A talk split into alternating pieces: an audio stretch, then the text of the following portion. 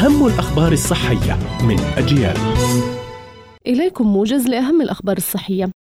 أثبتت الأبحاث أن نبات القريص يساعد في تحسين الدورة الدموية في الجسم بسبب احتوائه على فيتامين سي والحديد اللذان يعملان على تعزيز إنتاج المزيد من خلايا الدم الحمراء وتسريع شفاء الجراح.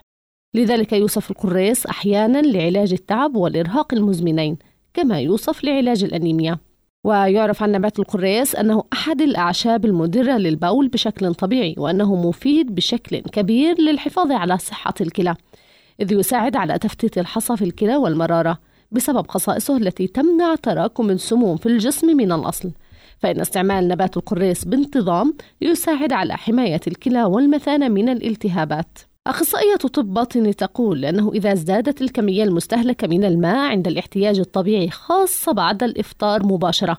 من الممكن أن يتسبب ذلك في الإصابة بأضرار خطيرة كمشاكل في الجهاز الهضمي فشرب الماء بكميات كبيرة بعد الإفطار يشكل صدمة فجائية للمعدة الفارغة. كما يزيد من فرصة الإصابة بالكبد الدهني وعسر وسوء في الهضم والانتفاخ والصداع وتشنج العضلات وارتفاع ضغط الدم وضيق التنفس.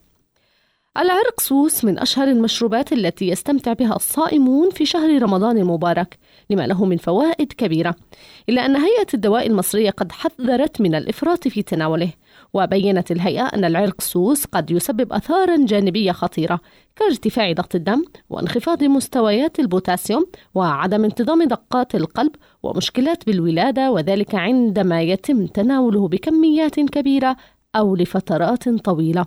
كانت هذه أهم الأخبار الصحية. قرأتها روزانا طه. إلى اللقاء.